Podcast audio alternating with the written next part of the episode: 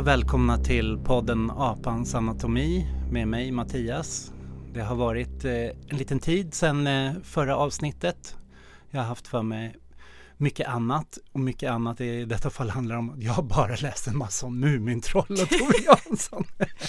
Eh, någon gång får jag gå in i det där specialintresset. Men det här avsnittet idag har jag bjudit in Jenny Lindahl. Yes. Hur beskriver man dig? Du är chef för Arena Idé. Arena Opinion. Ah, Arena mm. Opinion mm. som är en del av Arena Idé. Arenagruppen. Ja. ja. Ah, du... Så här, jag kan säga det. Eh, Arenagruppen det innehåller då en, en, tidning, en tankesmedja och en kommunikationsbyrå och ett förlag. Mm. Och kommunikationsbyrån det, det, det jag och, och några till. Och Arena fungerar väl egentligen som en av de tre tankesmedjorna som är knutna till Socialdemokraterna eller löst knutna. Hur, hur löst? Alltså Arena Idé som ju då är tankesmedjan mm. är ju, och hela Arenagruppen är egentligen på alla sätt he helt oknutna till socialdemokratin utan mm, okay. till facket mm. istället. Ja. Så att det är ju eh, olika fackliga organisationer som finansierar tankesmedjan och eh, eh, även Dagens Arena. Mm. Och det jag jobbar med det är inte finansierat av någon utan det är istället att jag säljer tjänster. Mm. Så att, eh, då, och då kan, det kan ju vara precis vem som helst. Men, eh, nej, men det finns noll koppling egentligen mellan socialdemokratin och eh, Arenagruppen men däremot så är ju facket nära kopplat till socialdemokratin ja. i delar, LO till exempel. Så att, så att självklart så finns det ju, det finns en politisk Alltså att vara fackföreningsnära är ju också att i någon mån vara nära socialdemokratin mm. men mm. eller nära någon slags sidan av arbete i arbete kapital i alla fall. Men vad, vad skiljer då arena från eh, tiden och katalys som som också får sina pengar i stor del från facket. Mm, eh, Katalys får sina pengar från 6F-förbunden mm. eh, som är eh, de här förbunden som bröt, alltså som skapade, alltså under den här tiden som det inte var samordning och så, så skapade en egen samordning. Mm. Eh, och eh, det är Byggnads och, och, så vidare. Där finns ju eh, kanske mer utav en politisk linje, alltså de hade väl mer en vilja att påverka fackföreningsrörelsen och socialdemokratin och eh, tankeutvecklingen i den i, mm. i någon slags riktning. Här finns det väl mera någon slags eh, allmän idé om att påverka samhället i någon slags progressiv och facklig riktning. Mm. Som är mycket, alltså mycket mindre styrande. Man ska säga. Men, men det, jag tror att Katalys väl också så att säga, gör sin egen agenda men de har ju rekryterat ett gäng som de tror kan bära det. Mm. Suonen också. Och tiden däremot, de är ju faktiskt, har ju faktiskt finansiering från socialdemokratin. Mm. Så att eh, där är det ju eh, väldigt mycket mer så att man kan anta att det finns en linje att mm. hålla. ja, de är väl nästan som ett media kommunikationskansli åt Socialdemokraterna på ett sätt. Ja, fast med vad heter det, deniability. ja, just det. ja, för när jag kommer ihåg i början av 90-talet så uh, jag kom ju, jag har aldrig varit med i något parti och jag kommer ju bara ur olika, ja, miljörörelsen, mm. aktiviströrelser. Och när Arena en gång startade så det uttalade målet för Arena var någonstans att eh, vara en brygga mellan nya sociala rörelser och eh, arbetarrörelsen. Att man pratade till och med om det som om en eh, rörelse som eh, Reclaim the Streets, Reclaim the City och veganerna och mm. feministerna, att vi måste ha någonting det verkade finnas en känsla av att nu är det en ung generation som springer iväg och liksom lämnar arbetarrörelsen bakom sig om man ville skapa den kopplingen. Ja, intressant. Det här minns inte jag. Alltså, ja. Jag hade ingen relation till Arena då riktigt. Nej. men, men det finns väl alltid en sån, alltså om man tittar på det som är slagorden eller man ska säga för den så är det ju oberoende progressiv. Det vill säga, alltså, och progressiv det är ju just allt det här också.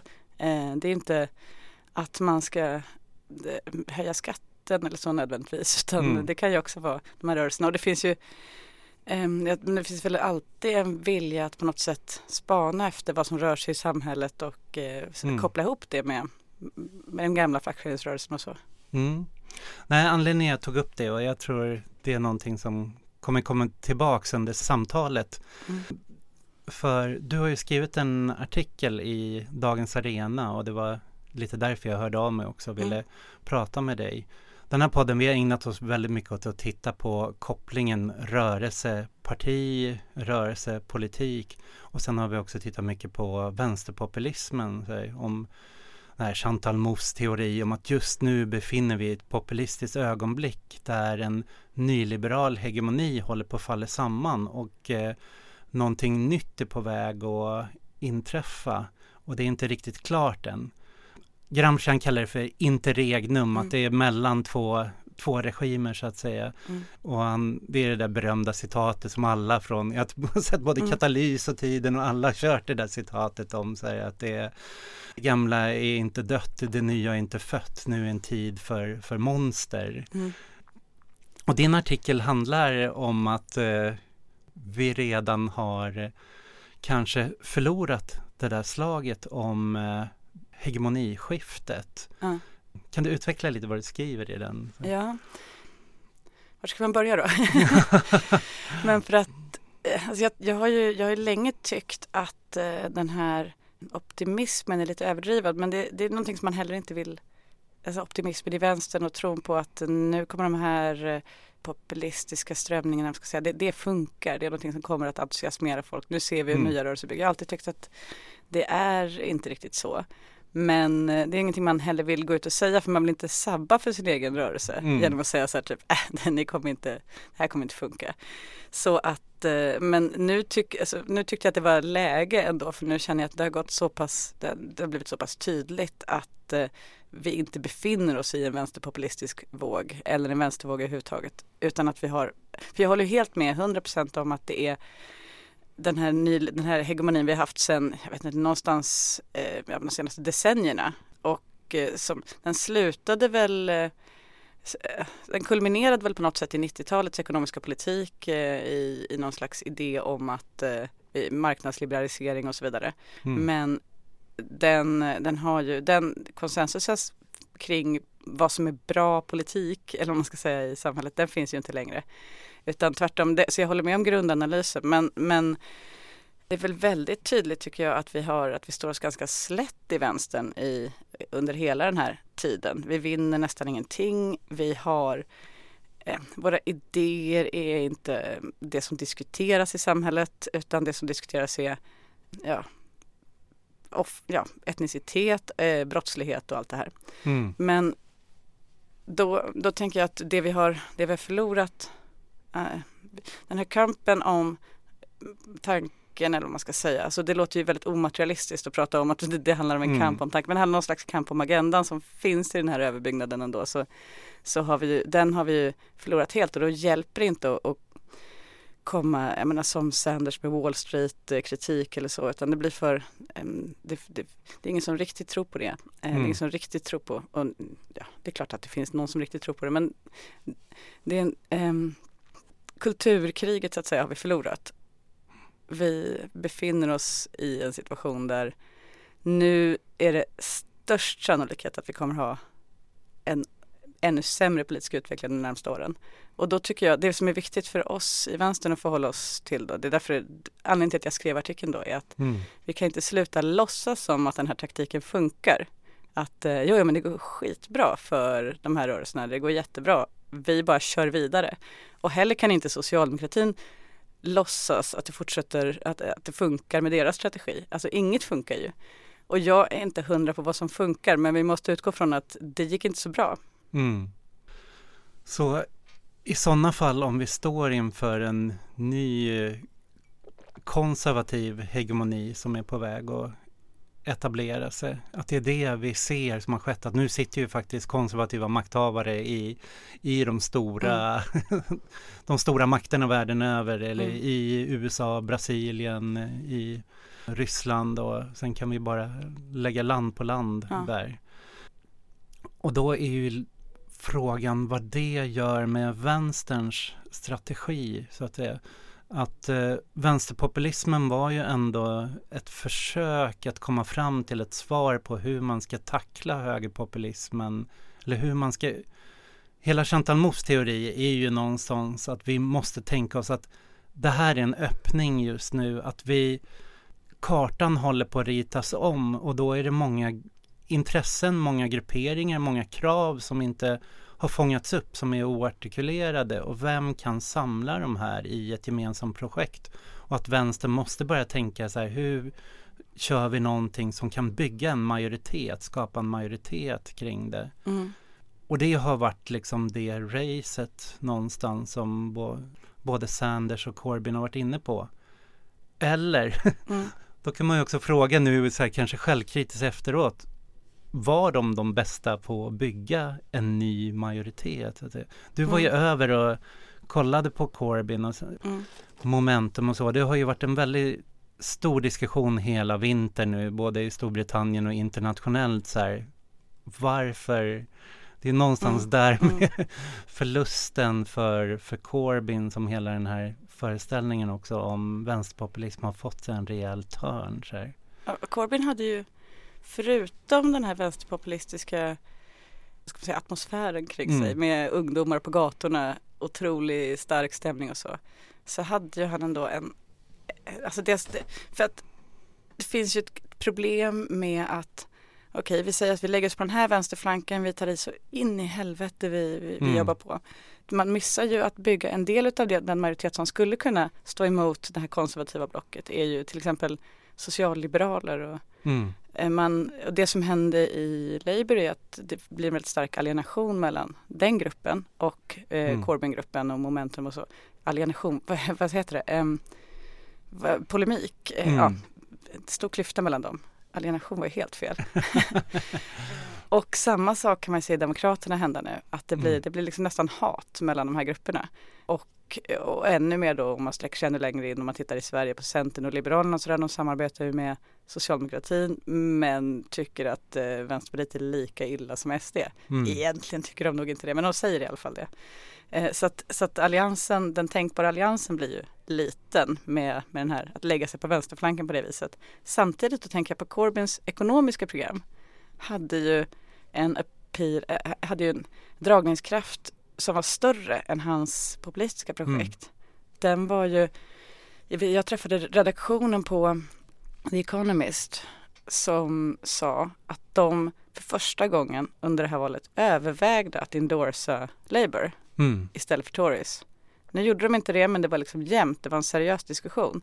Och anledningen till det var just enbart att det ekonomiska programmet som Corbyn har lagt fram, det är vad Storbritannien behöver. Det är ett mm. bra ekonomiskt program jag tycker att där någonstans ligger väl någon slags nyckel också att vi kanske inte bara ska titta på strategi och teori och ideologi utan också försöka fundera över, alltså fundera över politikens, alltså vad är det, den politiska ekonomin, vad är det för, alltså hur ser den ut? Och här är inte jag bäst på att analysera det. Nej. Men jag menar vad behöver göras egentligen? Ja. Vad behöver göras för att samhället ska bli mer jämlikt i praktiken? Alltså vilka lagar behöver stiftas? Vilka vilka fackliga krav behöver ställas. Mm. Eh, att eh, kanske bli lite mer eh, inriktade på det. För att jag tänker att om, om Corbyn hade om Corbyns ekonomiska program hade varit det som stod i fokus och inte så mycket att han är världens skönaste snubbe som har massor med jätteradikala ungdomar på sin sida. Alternativt stalinist då som, som mm. motståndarna sa. Det kanske, det kanske hade ändrat något i situationen. Men sen också, han har mm. svåra motståndare ja, jag har funderat mycket på det där för att det jag har försökt följa liksom Novara Media som är den här mm. momentum nära stående medieprojektet i Storbritannien men även de som har varit kritiska som har varit vad man kallar den här strömning som är mer blue labour som mm. är, tycker mer att eh, vänstern ska närma sig konservativa idéer. Och där har ju liksom Brexit-frågan gjorts som helt central och det verkar ju som eh, 2017 gick det väldigt bra för Corbyn mot Theresa May och han eh, var ju nära på, alltså man hade räknat ut honom men han var ju nära på att, att vinna där. Och då var det ett väldigt splittrat Tory som var kluvet mellan Brexit-folket och Remainers. Medan nu så var det ett Labour som var helt kluvet mellan Brexit och Remainers. Och hade de gått mer åt Brexit-hållet så hade de förlorat. Hade de gått mer åt Remain-hållet så hade de ändå förlorat. Och nu valde de då att bara satsa på det här välfärdsprogrammet. Och förlorade för att det var, verkar inte ha varit, även om väljarna till en majoritet stödde välfärdsprogrammet så gick de inte och röstade utifrån det. Mm. Och det är det jag funderar lite med Sanders och liksom hela reformisternas projekt om räcker det verkligen med ett välfärdsprogram i den här kulturkrigstiden? Det måste också vara så att de tror att det går att genomföra tror jag. Mm. Jag tänker, jättemånga är ju unga idag är ju har ju kanske klimatfrågan som någon slags överlevnadsfråga som står överst. Att den här mm. frågan, det är det, eh, det är det mest avgörande. Men det verkar inte påverka hur man röstar överhuvudtaget, i alla fall inte i Sverige. Och det är inte så konstigt. Jag tänker att de är, de är rationella människorna på ett mm. eller annat sätt. Även om de ja, kanske går med i gruppen Stå upp för Sverige och sådär. Så, överlag så är, så är människorna ganska tillräckligt rationella för att förstå att det spelar ingen roll vad jag röstar. För alltså på riktigt så spelar det ingen mm. roll vad du röstar på för klimathotet i, i stort därför att det är mycket mer internationellt än så och därför att så lite man kan göra så att jag tänker att det är lite grann samma med de här välfärdsprogrammen. Att folk mm. fattar att det kommer inte genomföras. Mm. Och då, då, varför ska man då, varför, ja, då, då, tappar man ju tilltron. Och jag tänker, det, och det är inte bara det här, dels är det vänsterpopulisternas problem som då lägger fram ett väldigt radikalt ekonomiskt program som alla egentligen fattar inte kommer genomföras. Kommer verkligen Corbyn ha arbetarägda, vad säger jag, Sanders införa arbetarägda företag mm. om han skulle vinna presidentvalet? Det är väl, det är väl högst tveksamt. Så, så dels finns det den förståelsen och, och det är också högst tveksamt om han får igenom någonting eftersom han inte kommer ha senaten och så med sig. Mm. Men sen har vi å andra sidan då socialdemokratin som istället väljer att inte lägga några politiska förslag. Mm. Det gäller ju både demokraterna i USA eller höger Labour i mm. Storbritannien mm. eller, eller socialdemokratin i Sverige som bara väljer att ja, men vi fortsätter väl regera med alla majoritet som går. Vi fortsätter förvalta så gott vi kan. Men vi lägger inga politiska förslag för det går ändå inte. För de gör ju också den analysen. Det är väldigt svårt att genomföra mm. just nu. Ja. Men och det är inte heller bra så eh, vi får hitta en annan väg, alltså någon slags realistisk mm. ekonomisk politik mm. som ändå förändrar samhället. Mm.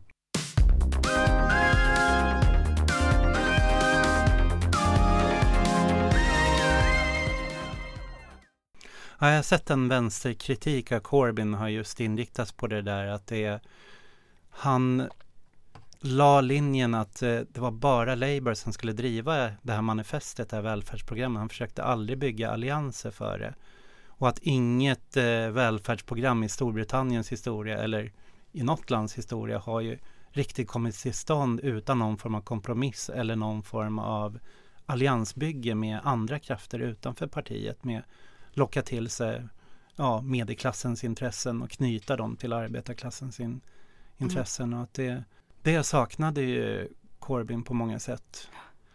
Och det är ju, det är ju aktuellt i, i alla länder egentligen för också med den, eh, politik, den nyliberala politik som har förts i Europa senaste åren så har ju allt fler allierade uppstått, mm. potentiella allierade. Eh, nu är det ju så att varenda läkare har ett starkt intresse av någon slags vänstersväng i varenda, varenda akademiker nästan, varenda som sitter på ett universitet. Hela, hela det som Hela den medelklassen är ju mer eller mindre hotad av det som händer nu också. Mm. Så att, så att de, de potentiella allianserna är ju ganska breda nu för tiden. Mm. Jag har lyssnat på din podd Pengar och politik och där har ni ju varit eh, rätt skeptiska till att Sanders har någon chans nu att eh, både vinna och eh, eh, alltså bli Demokraternas representant och faktiskt genomföra det välfärdsprogram som man säger sig mm. förespråka. Jag, jag, tror också att det är lite dubbelt för det, det pratade jag också om i den podden, men mm. den som vinner Demokraternas nominering mm. blir den som förlorar mot Trump, så ser jag det. För att alltså jag kan inte se hur Trump skulle kunna förlora det här valet. För att för, förra presidentvalet vann han ju med otroligt mycket sämre odds än det här. Mm. Och han är fortfarande väldigt skicklig på att eh, på politisk retorik och på att få med sig folk. Och, eh, så han har hela det republikanska partiet. Han har, de som normalt sett röstar på republikanerna har han och så har han ytterligare en ganska stor grupp som utan Trump inte skulle rösta på Republikanerna. Mm. Och eh, det finns väl liksom, av alla de, det tvekan inför förra valet skulle ju verkligen alla republikaner ställa upp bakom Trump och det gjorde de ju. Så, så att jag tror att vem som helst som, som ställer upp, eh, spelar ingen roll om det är liksom JFK kommer tillbaks. Mm. Så, så det är stor chans att uh, han förlorar mot Donald Trump. Ja. Och eh, så då är ju också nu, nu kan man inte sitta och taktisera i sådana här frågor som, som, som väljare. Mm. Men det kanske är lite bra för vänster-vänstern om Sanders förlorar nomineringen. Mm. För annars kommer vänster-vänstern få bära skuld för att man förlorade mot Trump. Mm. Ja, lyssnar man på amerikanska vänsterpoddar så är det ju att vinna eller försvinna nu ja. med, med Sanders. Att lyckas man inte nu då stängs det här ögonblicket och då är det generationer tillbaks deras formulering ja. i, i vänsterkamp. Samtidigt som de har ju någonstans byggt långsiktigt skapat mer och mer starka strukturer under de här åren i, sina, i sitt kampanjande. Mm. Men jag tänker också om man ser till till exempel Podemos sitter ju med i regeringen i Spanien just nu. Att eh, svårigheten för ett vänsterpopulistiskt projekt också när den väl kommer till makten den kommer ju alltid komma till makten via en kompromiss eller sitta mm. med andra. Det var så Syriza kom till makten, det är så, så det är för Podemos. Och om man tar femstjärnerörelsen som ju inte är vänster i eh, Italien, men de har ju skadat så oerhört att först sitta med Lega och sen med Demokratiska partiet där, att de håller på kollapsa helt. Att eh, det bygger också på att når du inte majoritet så är det här projektet någonstans då kommer det åderlåtas och dö för att det, det går inte att sitta och bedriva en kompromissande politik med den formen av Nej men så, så är det ju. Det, det, här problemet har ju fascisterna också, eller på att säga. eller SD är det så att, eh, att eh, man, har, man har en stark retorik som samlar många men ska man regera måste man göra avkall på rätt mycket av det man hävdar är livsavgörande och jätteviktigt. Mm. Men eh, jag tror också, vi är tillbaks också på hur genomförbar ens ekonomiska politik är mm. och hur bra den är. Jag tänker att om, om Corbyn hade suttit i samarbete med mm. några och försökt genomföra sin ekonomiska politik då hade det funkat ganska bra för, för där var det, det, den funkar. Och jag tänker att samma skulle hända med Sanders också. Hans ekonomiska politik, om man tar bort de, de mest marxistiska delarna så att säga, mm. kanske är ja, men fullt genomförbar och skulle, skulle kunna ha ett ganska brett stöd. Men så, som du var inne på, det, det är inte så han bygger sina allianser direkt. Så mm. det blir väldigt svårt att genomföra. Medan Podemos till exempel har ju kanske varit lite mer alliansorienterade. Mm. Men jag kan inte tillräckligt om deras ekonomiska Nej. politik för att veta vad, huruvida den hade gått att få fram. Nej, jag kan faktiskt inte heller vad, vilka deras välfärdskrav, de har inte på samma sätt gått på ett välfärdsprogram, snarare kanske det har varit mer att eh, det har varit en revolt av eh, skuldsatta och utsatta mot åtstramningspolitik. Att få slut på åtstramningspolitiken, mm. få slut på vräkningarna och de bitarna snarare än att lägga ett, ett reformförslag som varit så tydligt kring både Corbyn och Sanders. Ja. Någonting som jag har utvecklats, eller vad man ska säga, mm. av, att, av att jobba nära facket. För det har jag liksom inte gjort förut. Tidigare i mitt liv så, så har jag jobbat politiskt bara med, med vänstern och inte alls med med facket. Och jag sitter inte och jobbar politiskt med facket nu men man är i den här miljön. Man, mm. Man blir som en inbäddad eh, reporter. man man eh, suger upp tankesätt och så.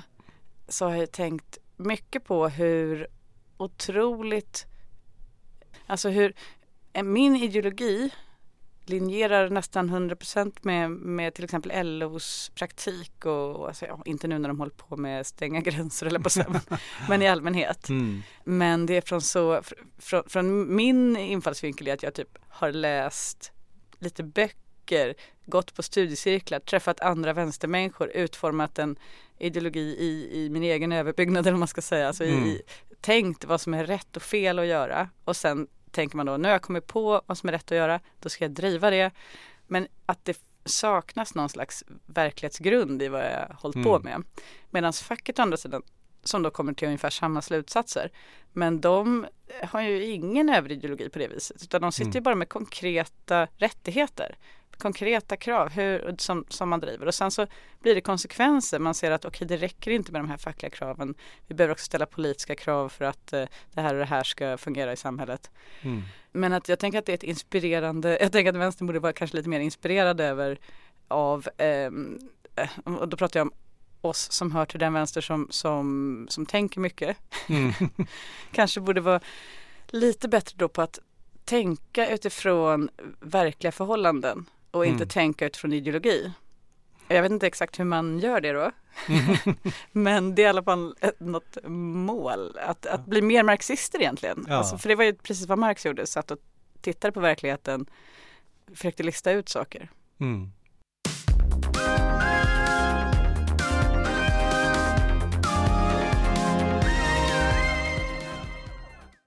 Om vi går tillbaks till din artikel då om en eh, förändring att vi det konservativa blocket kanske har vunnit globalt och det är bara en tidsfråga här i Sverige mm. också mm. innan med januariavtalet och liksom samlingen i mitten att det, de kommer vinna nästa val. Liksom att vi kommer få se en SDKD, Moderaterna, regering rätt troligt. Jag tänker Gramsci, han, eh, när han skrev om de här hegemoniskift och så, han hade ju också han var ju ledare för italienska kommunistpartiet och då fanns hela den här föreställningen också om revolutionen baserad på ryska revolutionen, om att man stormar Vinterpalatset och tar över. Det är en väldigt snabb förändring och någonstans har den föreställningen levt vidare i vänsterpopulismens syn att det uppstår en plötslig öppning och det gäller att ta den. Och det Gramsci sitter sen när han sitter i fängelse och fascismen, det, han tror ju fascismen när den vad är det, 22 eller 24 när den kommer till makten i Italien, att den ska bli väldigt kortvarig, att den kommer inte klara en ekonomisk kris och ta ansvar för sin egen politik. Att när väljarna ser vad de har röstat på så kommer, kommer, kommer de tröttna så här. Och det sker inte utan det blir ett hållbart system som är verksamt i 20-25 år. Och då börjar han liksom försöka tänka så här, men eh, vad är det som gör att de blir hållbara? Och det är där han utvecklar teorin om hegemoni också, att det är hur de mobiliserar hela civila samhället och liksom förändrar samhället på det sättet, att de går ner i folks vardagsliv på det sättet. Men då har han ju också den här teorin, han, han, jag tror han lånar det från Rosa Luxemburg som är en väldigt så här, militär metafor, att det, det finns eh, de här manöverkriget som är att storma Vinterpalatset. Det är en väldigt snabb manöver. Populistiska strategin är en snabb manöver. Det är också en manöverkrig. Men han ställer det sen då mot eh, ställningskriget, skyttegravskriget och det är han ser inte det som en defensiv strategi utan det är en offensiv strategi men i, den har en annan temporalitet. Att eh, nu har vi en väldigt stark motpart som har penetrerat hela samhället och då gäller det nu att gräva oss ner, gräva där vi står, bygga långsiktiga institutioner, bygga, skapa, skapa strukturer. Han får inte sitta och läsa så mycket på mm. kåken så han sitter ju och läser Machiavellis försten. Ja, och hämtar. Machiavelli han skriver det om så här, ja men det finns olika sorters förstar så här, men Eh, försten har sin styrka men det är också ödet. Det sker saker som försten inte kan rå på. Mm. Men en bra förste kan förstå vad ödesvängningar kommer ske, som mm. lär sig hantera det. Och då tar han exemplet så här. Nilen, vi vet att Nilen kommer svämma över varje år. Men vi vet inte när det sker, vi vet inte hur mycket det sker. Men den farao som förstår att så här, men det gäller att bygga dammar och kunna fånga upp det där översvämmade så att under torkaperioden så kan man använda det där vattnet. Så här, vilka former av institutionaliserade segrar, vilka institutioner, mm. vad kan man bygga upp under en period som är torka så att säga. Som mm. Den konservativa torkan vi går in för nu. Ska vi spåna fram det då? Ja, så det är det jag tänkte. nu, vilka dammar kan vi bygga? Alltså. Ja, men för att jag vet inte om vi, om, om vi ska försöka pinpointa vart vi är mm. eh, i historien så säg att den stora fascistvågen, den, ska man räkna den från 20 till 40-tal, alltså det, mm. det är de decennierna. Då är vi väl mer på 20-talet, ja, vi är ju på 20-talet, men då är vi mer på 20-talet än på 40-talet nu. Så det vill säga vi har förlorat vad ska man säga, folkets kärlek, vi, vi vinner inte val, mm. eh, vi har tappat, eh, vi lägger inte förslag som går igenom det går åt skogen på det viset. Men vi har ju fortfarande inte fascism. Så att vi, vi, vi är i mm. början här. Då kan vi ju lära, vi behöver inte bara skapa motstånd mot på, på sikt för att komma ur det här. Det måste vi såklart göra. Mm. Utan vi måste ju också kolla på vad var det för institutioner de tog som för att liksom fascismen skulle få fullt genomslag utifrån från 20-talet när de började. Mm. Och då jobbade de ju väldigt, väldigt mycket med kulturpolitik. Mm. Både i, och det gjorde ju även så att säga, Sovjet och så vidare. Det gör ju alla totalitära ideologier. Och det kan man väl lära sig något på att, jag vet inte, jag, mot, svaret på det är väl inte att själv då försöka eh, genom kulturen få människor att tänka som man vill. För jag vill hellre mm. att folk tänker själva och att kulturen är fri. Men hur kan vi då stoppa att de gör det mot oss? Undrar jag. Och det, det kommer inte bli lätt därför att SD har ju en jätteoffensiv kulturpolitik. Mm. Och så är problemet då att Moderaterna och Kristdemokraterna som de kanske ska samarbeta med inte bryr sig alls. Eller i bästa fall eh, typ, tycker att det är viktigt med operan och så. Ja, men är det inte, ja, det är väl väldigt tacksamt för Moderaterna och KT att låta SD skär, Ja, ja, Dels får SD bara hundhuvudet och vara de som, ja. men det är ju deras, det är de som är slaktarna av liksom kulturen och ja. pressstöd och allt sånt. Men så också håller man dem borta från andra områden som, eh, som de ekonomin, försvaret ja, ja. ja, till och med invandringspolitiken. Moderater och kristdemokrater vill absolut inte att de ska komma in på ja, förs försvar, utrikespolitik sånt där. Mm. Självklart. Men kulturen bryr de sig inte om så den kan de släppa. Eh, och där så kommer Gramsci in då att mm. nu då ser vi hur vi ger SD verktygen att förändra vårt tänkande, hegemonin i samhället genom, för de backar inte för att eh, styra medierna eh, styra biblioteken, styra forskningen, allt sånt där som, som faktiskt kommer tving, tvinga fram, kom, kommer påverka vårt tänkande på riktigt om de får fullt spelrum. För att totalitära samhällen som gör det mot folk lyckas ju också mm. få folk att tänka annorlunda.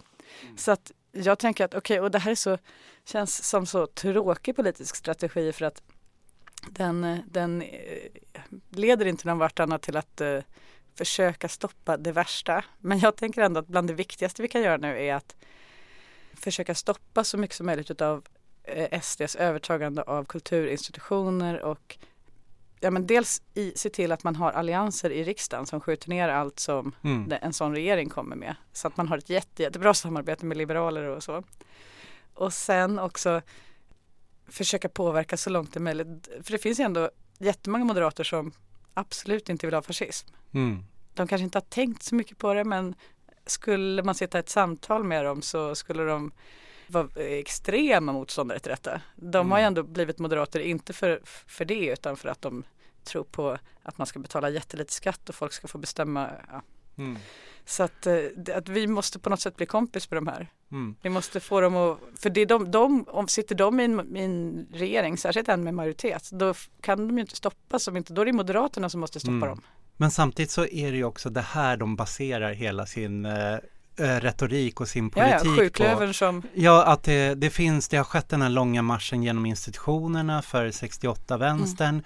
Man har byggt bastioner, man förändrar hela det där aktivistbegreppet. Ja. Att aktivist är inte nu det det jag och du kanske menar, liksom folk som är aktiva i sociala rörelser på gatan, utan aktivist för dem är ju någon som sitter på en myndighet eller en försvarsadvokat som ja. försvarar flyktingar eller journalister som eh, försvarar eh, basic yttrandefrihet, basic journalistisk frihet. Mm. Det kommer ju betraktas som aktivism och det som de säger att ja, men nu har de har byggt bastioner, de har byggt sina fästen inom och därför behövs det de här hårda tagen för att rensa ut. Det är den retoriken mm. de kör i, i Polen och Ungern. Det är ju för att Ja, det motiveras med hela den här. Så att då blir lite så här, vår lösning blir att göra precis det som de målar upp att vi har gjort. Så. Ja, just det. Men därför måste vi också ändra oss lite, mm. tror jag.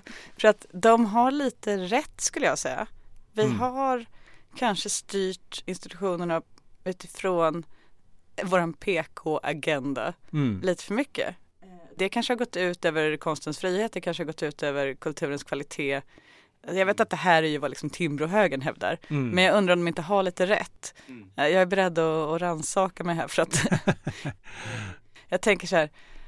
Man kanske inte ska ha eh, jättehöga krav på eh, att det ska vara liksom hälften kvinnor som gör film. Alltså, allt sånt där blir Ja, säg att vi kan kompromissa med den ståndpunkten då. Mm. Vi säger att okej, okay, vi, vi låter kulturen vara lite mindre PK, lite mindre uppstyrd för att kunna bygga allianser med Timbrohögern till exempel just kring mm.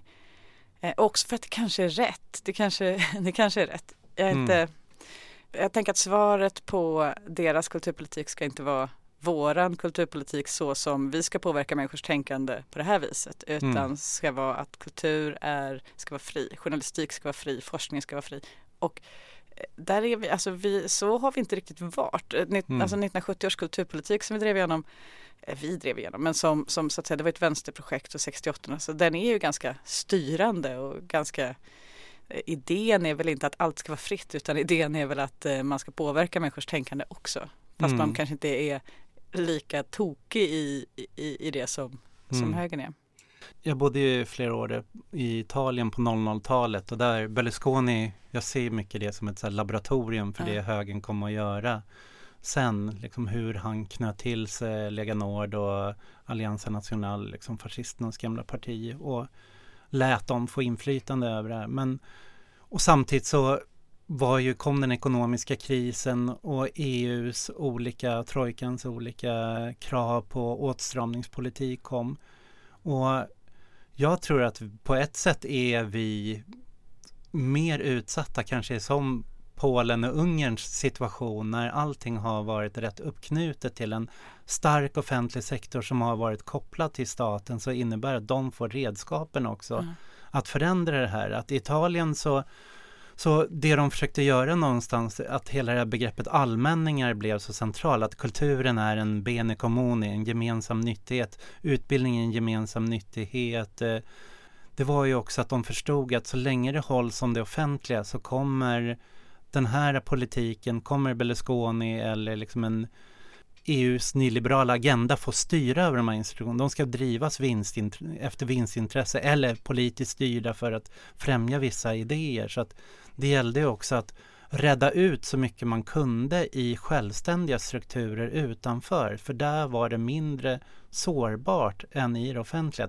Självklart måste vi liksom försvara utbildning, media, allting sånt. Men om vi inte bygger eller stärker de här strukturerna utanför så tror jag också vi är väldigt sårbara. Och där har ju någonstans högern eller den här konservativa rörelsen och det är inte bara Sverigedemokraterna som har lyfts av en alternativmedia utan det som har vuxit nu de senaste fyra åren det är ju en, inte alternativmedian som är SD och radikalare utan SD och in i Moderaterna och KD. Det är den miljön där det har vuxit en så alternativ där det byggs alternativa strukturer här, som de mm. som baserar sig på. Det är därför de också kan motivera så här att men, titta våra projekt får inga statliga stöd alls. Här. Varför, ska, varför ska era, liksom, inklusive Svenska Dagbladet lyfta liksom, sådana stora pressstöd? Så mm. Klipp det. Ja, och då kan man också om man bara går vidare i den tanken. Varför våra för det är inte så att det inte finns, att vi, vi har ju också våra vad ska man säga, oberoende medieprojekt. Till exempel det vi gör just nu. Mm. Till exempel, och jag gör en annan podd och vi, alltså, vi håller på ändå. Vi försöker ta makten över vår egen eh, möjlighet att eh, formulera hur samhället ser ut och prata om det. Och, och, ja, formulera oss lyckas vi ju med men vi är inte så bra på att mm. eh, skapa någon slags större rörelse kring det det vill säga det, det, begränsas till en ganska liten så här, intellektuell grupp som tycker att det här är intressanta medier. Men vi lyckas mm. inte skapa de här stora folkliga genomslagen. Men historiskt sett så är det ju här Vänstern har alltid varit bäst på det. Det är mm. nu de senaste tio åren som vi inte har varit det. Men alla andra tider har det här varit en av vänsterns paradgrenar där, att ha en någonstans en folklig kultur som gick nådde ut där högern förlitade sig mer på det, den kommersiella eller liksom att det fanns den eh, borgerliga offentligheten och sen så fanns hela motoffentligheten och den mm. var ju den var ju vänsterkopplad så det ja. finns ju mycket erfarenhet där någonstans att hämta men sen kan man tänka mycket varför just så här Ja, det var precis med sociala mediernas genomslag som vänstern tappade hela det där. Vad, vad mm. skedde? Varför klarar inte vi av det? Och varför den höger som varför kom högern att liksom gynna så mycket av för ja, sina... Har du, eh, det, det, där skriver ju Karin Pettersson och Martin Gelin lite om i, mm. i den boken. Men just att vad ska man säga, själva algoritmerna, själva mm. drivkraften gynnar högern. Att det är liksom inte, det är inte extremhögern som är bra på sociala medier utan det är sociala medier som, som är liksom som gjorda för de här typen av starka känslor, omedelbara reaktioner, noll källkritik. Eh, så alla som har någon slags ambition att vara lite eftertänksam och så förlorar gentemot de som inte har det. Och, mm och det vore väl också fel väg att säga att men nu ska vänstern bli bananas på vad som helst när som helst. Mm. Det är mm. inte, men för högern funkar det ju bra för det ligger i linje mm. med att sprida rädsla och kaos och så vidare så att folk ska då vilja ha deras lösningar. Mm. Men vi, jag känner inte att det funkar för oss att sprida rädsla och kaos. Nej. Jag tänker en annan, om det högerpopulismen har sitt projekt att eh, det de verkligen har vunnit med är ju någonstans att vi har en, det finns den ekonomiska makten, det finns den politiska makten och sen kan man väl prata om någon slags kulturell sfär. Mm. Det de har gjort är ju förknippa vänstern med makten genom att sätta, säga att vänstern dominerar kulturen och därför är vänstern makthavarna för att kulturen styr politik och ekonomi. Mm. Och så är det ju inte riktigt. Nej. Men, men de har ju fått oss att framstå som makthavarna och eh, inte näringslivet. Liksom, att näringslivets företrädare kan vara underdogs helt plötsligt mm. och politiker kan vara, vara underdogs. Och då har ju också vänstern, jag vet du brukar dra det här eh, någonstans, det har väl nästan blivit uttjatat om att högern, vänstern har försökt vara bäst i klassen och högern mm. populärast på skolgården och där är ju de, de bygger den här skolgårdspopulariteten medan om vi går in och bara försvarar de här institutionerna så stärker vi ytterligare det här uh, vi är en del av etablissemanget så att fast de sitter vid makten, att Trump har ju kunnat utmåla sig som i opposition fast han är liksom president i världens mäktigaste land och så Berlusconi han var förföljd av de kommunistiska domarna fast han ägde hela mm. media och så att det, mm. de kan alltid utmåla sig själva som eh, att de har egentligen inte den verk verkliga makten. Det finns en djupare makt. Det är kulturen, det är den djupa staten, det är institutionerna och det är de som sitter där. Det är de som, det är en långsiktig kamp att dränera det träsket och få bort dem där. Ja. Så vad gör man då för att inte Ja, jag har ingen aning men eh, jag, jag jobbade jättemycket liksom rent konkret med att försöka bygga populistisk rörelse på 90-talet mm. i Ung Vänster och det gick ju ganska bra på ett sätt. Mm. Eh, för vi hade en väldigt tydlig, okej när du går på debatter med de andra politiska ungdomsförbunden, det är så väldigt tydliga förhållningsregler då som både, så att du både visuellt och eh, innehållsmässigt och på alla sätt skulle visa att här, här, här har ni sjuklövern och så har mm. ni oss så att säga fast då, då inte fanns lika många partier i. Mm. Eh, det var alltså typ gränsen går mellan oss och alla andra. Mm. Eh, alla de här är korrupta politiker, vi står för folket. Så att vi hade hela tiden den och sen så då kombinera det med att inte ha ett subkulturellt uttryck överhuvudtaget som ju vi hade rätt mycket innan. Mm. Eh, det vill säga att de som var ungvänstrade på orten det var, var de kanske också var så här punkare. Alltså det, mm. det, var, det var typ några lite udda. Att vi skulle också då vara typ populärast på skolgården då så att säga. Vi skulle vara de, de eh, vara normen för vad som var coolt på orten. Mm. Men det där når ju någon slags vägs ände också när man Eh, för sen när man då kommer till 2001, eh, Göteborgskravallerna, saker mm. polariseras, när saker polariseras inom vänstern, eh, då har man inga vänner. Mm. eh, mm. Eller det har man ju, man har ju vänner åt alla möjliga håll men, plöts men man har inte, plötsligt så står Socialdemokraterna som ju ändå är på samma sida mm. inne på något eh, konvent eh, och man står utanför man står utanför med en sten eller på det gjorde jag ju såklart inte. Mm. men det blir liksom, man, det kanske inte, för det som de som inte höll med mig i Ung Vänster då sa att eh, Socialdemokraterna är faktiskt på samma sida, vi kan inte utmåla dem som det är oss mot alla andra. I sak är det rätt, sen så kanske man till och med driver Socialdemokraterna in i fel mm. håll. Eh, mm. och, och jag menar vi ser samma, vi har pratat just om det om Corbyn och Sanders, ser samma dynamik där. Mm.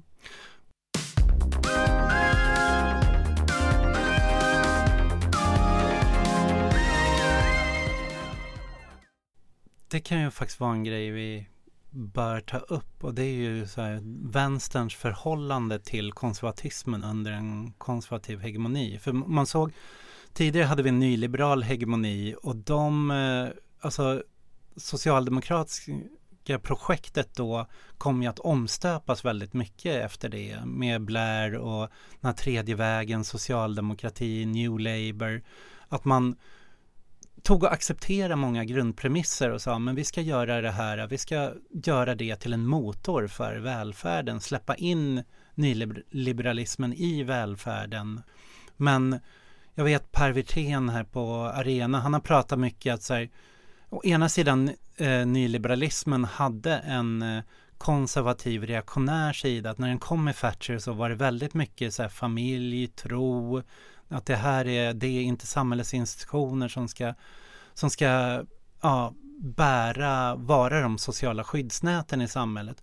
Och sen kom det någonstans ändå en progressiv nyliberalism som var väldigt rättighetscentrerad, som lyfte upp hbtq-frågor, feministiska frågor och som gav utrymme för det inom det nyliberala projektet. Och mm. Blair var ju någonstans, Socialdemokraterna var skickliga någonstans i att fånga upp det där. Men det vi ser nu är ju någonstans en svängning i att vi har den vänsterpopulistiska Socialdemokraterna och så har vi de som nu försöker ställa kompassen efter det konservativa skiftet. Och det är lite samma folk som, ja. var, som var de nyliberala då som nu pratar om så här, vikten att gå tillbaks till familj, tro och nation. Så här, ja. som, och att vi måste sluta upp med den där hbtq-liberalismen inom vänstern för ja, att det, det alienerar oss bara från vanligt folk. Ja, och som ofta är snabba också att göra en slags analys som är att vänsterns, anledningen till att vänstern inte är mer framgångsrik är att det går omkring en massa hbtq-galningar och säger att man inte får säga det ena och det andra. Mm. Eh, så att det är, vi har blivit för intoleranta i vänstern för att, eh, ja, det, det, är på något sätt vårt fel då som har och jag menar, det är klart att det ibland kan vara riktigt dålig stämning på Twitter bara för att någon inte kan rätt ord. Så mm. kan det vara. Men mm. det är inte så i hela vänstern känner jag inte att det är så. Att mm. Eh, det, man går omkring och är livrädd för vad man får säga och inte. Eller så är jag bara hårdhudad. Men jag vet inte, mm. känner, du, känner du en ständig liksom oro över, eh, över att liksom några i, några i, i, vad ska man säga, någon identitetsströmning ska bli arg?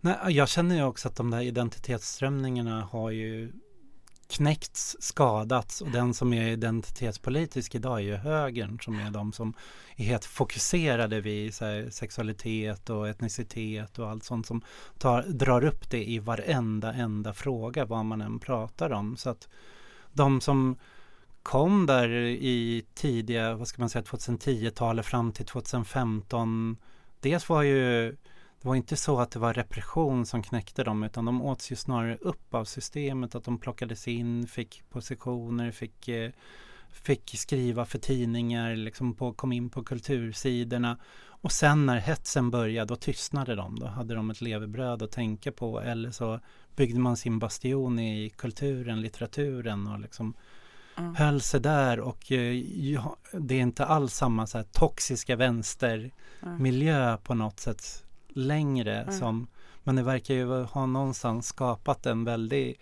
skräck inom högern att de resonerar ju hela tiden som, mm. som vi är kvar i 2014 i på Svenska Dagbladets ledarsida så är vi fortfarande där. Liksom. Ja, det. och jag menar, det är klart att det finns toxiska vänstermiljöer också. Mm. Där, man, där man, som sagt det här jag pratar om, går bananas över saker hela tiden. Där mm. är det som är, precis som extremhögern gör. Man läser något taget ur sitt sammanhang, delar överallt på Twitter, lägger in 18 000 spy-emojis och så vidare. Mm. Så typ man, man har ett högt känsloläge, inte så mycket analys utan bara hela tiden reagerar argt på saker och ting.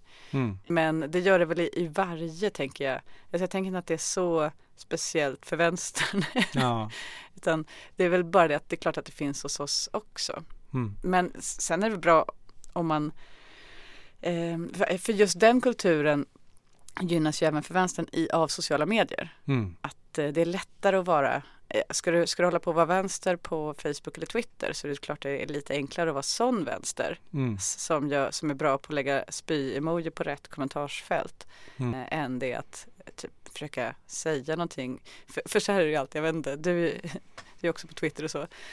Man kan ju verkligen det är som kamp med sitt eget självhat hela tiden. Mm. Därför att så fort man skriver någonting man själv tycker är lite tänkvärt Mm. eller lite bra att man har tänkt ut, då får man väl lite respons. Mm. Men så skriver man då så här fuck SD och då så här typ tycker alla man är bäst. så man måste hela tiden försöka så här, ska jag skriva fuck SD för att få likes? Ja. Det, det gör ju någonting med vårt tänkande. Ja, Ska jag jag- skita jag i att tänka den här tanken? Twitter tar fram det sämsta i mig känner jag alltid. Liksom. Men eh, om vi går, går tillbaks lite till det här eh, med, det känns ju om vi nu går in i en konservativ period och vi har då en del av vänstern som ställer in sina kompasser efter eh, konservatismen. Mm. Och den kommer vara lika hetsk och lika aggressiv mot vad man ska kalla den vänster som är Eh, nu har vi inte använt Galtan-begrepp Nej, allt nej. imponerande under en hel podcast. Ja. Så kommer jag sabbar allt här. Men den, eh, den vänster någonstans som står för lite så här, eh, rättighetsinriktade vänstern. Så. Ja. Och de strömningar som är kvar där, antingen kan de gå in, alltså det känns som hela januariöverenskommelsen eh, Centerpartiet, Socialdemokraterna, Miljöpartiet, Liberalernas allians, att de också har byggt så mycket att jo, ni får de här försämringarna, ni får den här nyliberala politiken, men ni får också behålla de här rättigheterna. Liksom. Ja. Att det, det har blivit väldigt centralt att de presenterar sig som en slags centristisk folkfrontsbygge mot SD för att försvara alla de här liberala rättigheterna som vi uppnådde under Ja. nyliberalismen. Så det känns lite som att det är så trängt läge för vad man ska manövrera. Så att å ena sidan vill man för, försvara de där rättigheterna och det kommer krä- krävas breda allianser av det. Ja. Men det är också dödsdömt för ett vänsterprojekt att förknippas med den formen av eh, nyliberal politik. Så här. Men å andra sidan så har vi en eh, konservativt orienterad vänster som kanske inte är så stor i Sverige men den börjar liksom växa i flera länder där det är samma grälsjuka. Mm. Om då projektet är så men vi behöver skapa en ny vänsterenhet, vi behöver skapa liksom, se till klassen i hela sin mångfald och hur heterogen den är.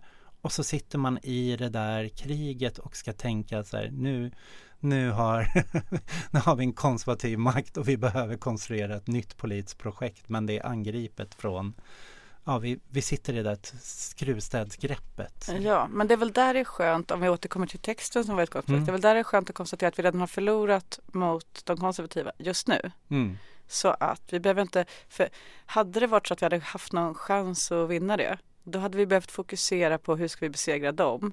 Mm. Eh, men nu kan vi tänka lite mer på hur ska vi besegra dem nu, hade vi behövt Mm. tänka då. Nu kan vi tänka lite mer hur ska vi besegra dem, okej det gick åt skogen, hur ska vi besegra dem om fem eller tio år? Mm.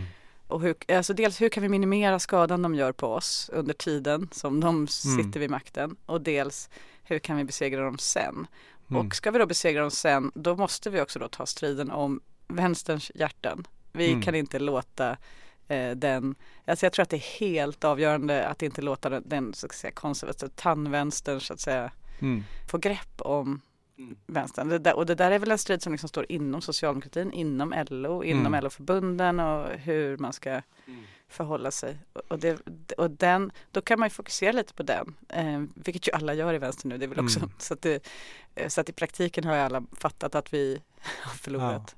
Jag pratade med några från Katalys om det där. De, de ser ju det här välfärdsprojektet är ett long game. Det är ingenting som man bara ställer ett välfärdsprogram nu och så kommer man de, det, vi kanske får tänka bort det som, eh, som den där manöverkrig strategin liksom utan det är, det är tillbaks till eh, ställningskrig att det här är, är långsiktigt att se att eh, det konservativa har faktiskt byggt det här under en lång tid. Nyliberal, de nyliberala byggde det här lång tid.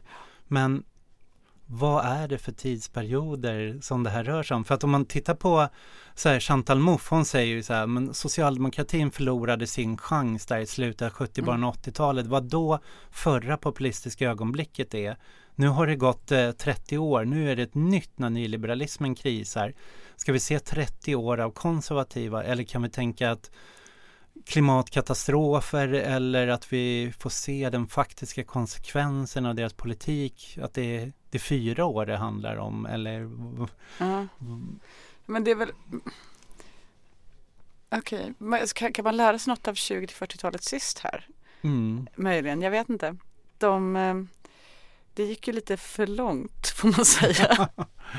det han hade en annan strategi kunnat eh, Alltså, fast då var det också, det var så uppenbara eh, problemet med, med, med att socialdemokratin och kommunisterna inte kunde samarbeta överhuvudtaget. Mm. Det blir väldigt uppenbart när man ser det så här i, mm. i backspegeln.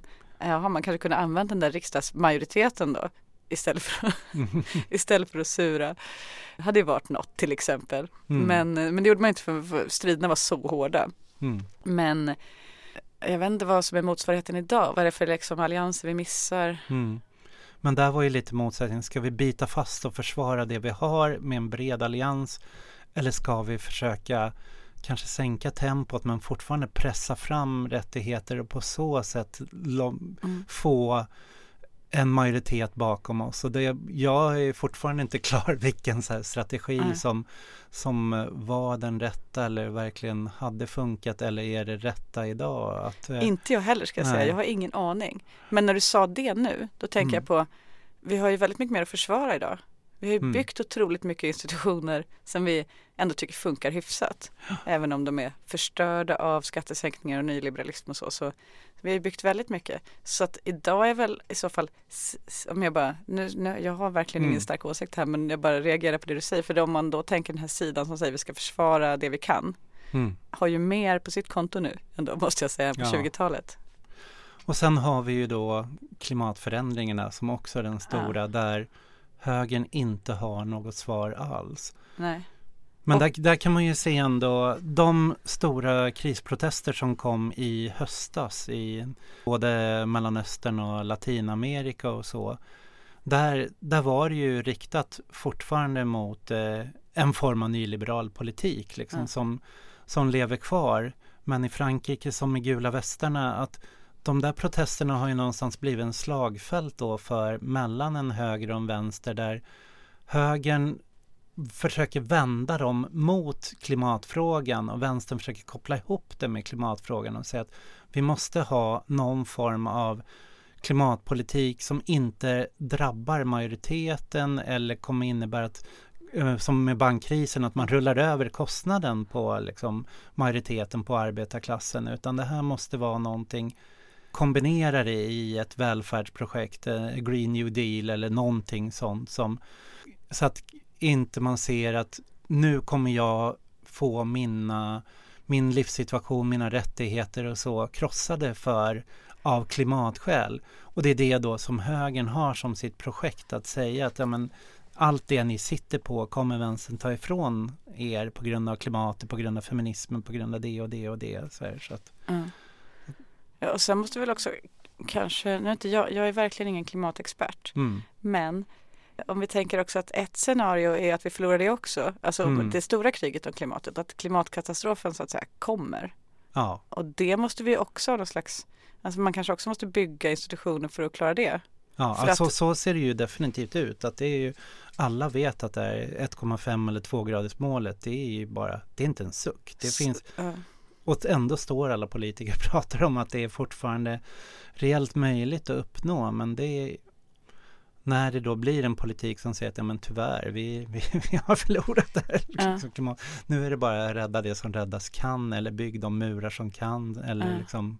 Och här kanske man måste vara lite, alltså politiker kanske då behöver bli lite ärligare i sin retorik. Mm. För att eh, det blir ju jätte, här, och gud, nu är man, man får insikter när man sitter och pratar. På sätt och vis så känns det som att um, okay, man, jag har ju lyssnat på så här partiledardebatter och så Eh, och då, ja vilket skryt va? har, har, ni det kanske? Ja men i den senaste partiledardebatten tror jag det var så, eh, men då var det ju vänstern och Miljöpartiet och så som höll på och tjatade om eh, att vi ska, att vi ska liksom klara målet. Mm. Det här ska vi klara och då krävs det här och krävs enorma omställningar och så. Den här, ja, någon slags optimism på det viset. Men samtidigt också man målar ju upp problem och så. Medans eh, Ebba Busch Thor tror jag det var och eh, alltså KD och Moderaterna var mm. ju väldigt mycket eh, vi ska, mycket mer bastani om man säger så. Mm. eh, vi ska bygga saker som gör att eh, folk kan leva bra. Och alltså, mm. tänk att vi, nu, plötsligt kände jag nu att vi har hamnat kanske dåligt i retoriken här. Vi måste både vara ärligare med att vi kommer nog inte lyckas mm. och B, ha lite mer eh, framtidsplaner på hur vi ska lösa det här, mm. eh, de här konsekvenserna. Mm. Vi har pratat mycket om kultur, vi har pratat om media, vi har pratat om klimatet. Men jag tror en av de stora dilemmana för till exempel Sverigedemokraterna det är ju att som Hyresgästföreningen och fackföreningsrörelsen är som institutioner men det är institutioner som står utanför staten. Mm. Och där har de inte möjlighet att gå in och styra på det sättet. Och det där är ju en ständig frustration för mm. dem. Och jag tror verkligen att eh, om vi nu ska tänka oss där bygga skyttegravar, mm. då är det vi måste verkligen satsa på finnas där och även verkligen. inte, alltså som För SD vänster. tänker att de ska bli fackligt aktiva. Ja. Vi måste verkligen bli mer fackligt aktiva. Ja, att alla måste vara med i hyresgästförening, alla ja. måste vara med. Och Ja precis och, och grejen är att jag tror att många, många har liksom inte så mycket, alltså må, många struntar i att vara fackligt aktiva för att de inte har några konkreta problem på sin arbetsplats mm. att vara aktiva kring. De kanske inte, det är inte vad de vill prioritera. Mm. Men man kan faktiskt vara fackligt aktiv, man kan eh, eh, typ anmäla sig till sitt eh, förbunds olika kurser, gå på olika saker och så. Man kan vara fackligt aktiv bara också för att få ta den här fighten. Mm. Om vi pratar om det där med folkfront och enhetsfront och sådana saker tidigare, då fanns det ju ett tredje begrepp och det var det här enhetsfront underifrån, att det är först mm. i de där inne i fackföreningsrörelsen, inne i hyresgästföreningen, inne i de här sociala frågorna som, som vi har en chans att skapa enhet snarare än kanske genom alliansbygget mm. på det är kanske inte där det kommer ske och det är Nej. kanske där det kommer storma väldigt mycket framöver också. Men, men i LO-förbunden kan vi förlora kampen om mm. konservatism kontra progressiva jo. värderingar och välfärd. Så att där blir det ju, och jag tror också vi som är lite, vi som är lite äldre, vi som var med, vi som var med förr, mm. vi är väl också vana vid att det är just i LO ganska svårt att vara fackligt aktiv, få förtroendeuppdrag och sådär om man inte är socialdemokrat. Mm. Men det skulle jag säga att det är inte riktigt så längre. Utan eh, nu är väl problemet de har mera att eh, det finns SD där som vill, ja. som vill och då är det ju bara skjutsa in någon vänsterpartist, det är bara bonus liksom.